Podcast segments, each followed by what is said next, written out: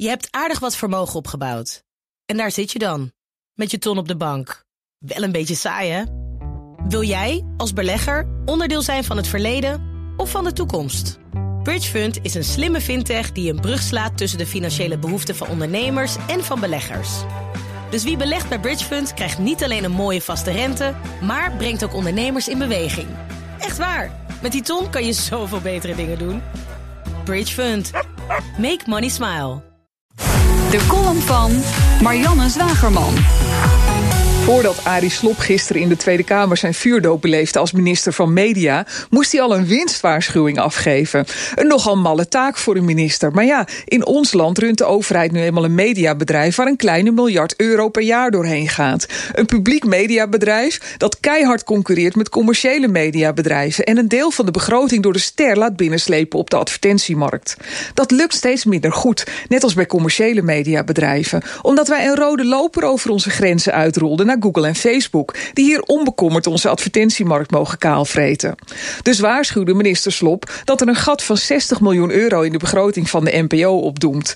Drie van de vier partijen in Rutte 3 zijn erkende publieke omroepknuffelaars. Maar toch houden ze nu verrassend genoeg de hand op de knip. Ze moeten in Hilversum zelf op zoek naar een oplossing, nadat ze al jaar op jaar hebben moeten bezuinigen.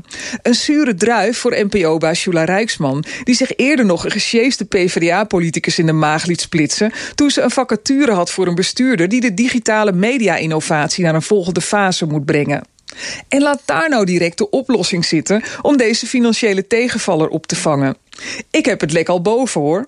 In augustus kondigde de NPO aan dat het online budget verdrievoudigd wordt naar 60 miljoen euro.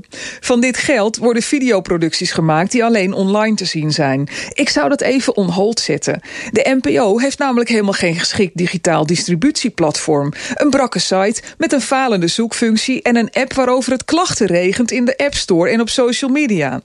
Bovendien heeft de NPO geen organisatie met voldoende webervaring om die content te laten maken en verspreiden. De druk om de programma's van de NPO ook op YouTube te zetten is groot. Maar volgens Rijksman is iedereen die dat bepleit helemaal van het padje af.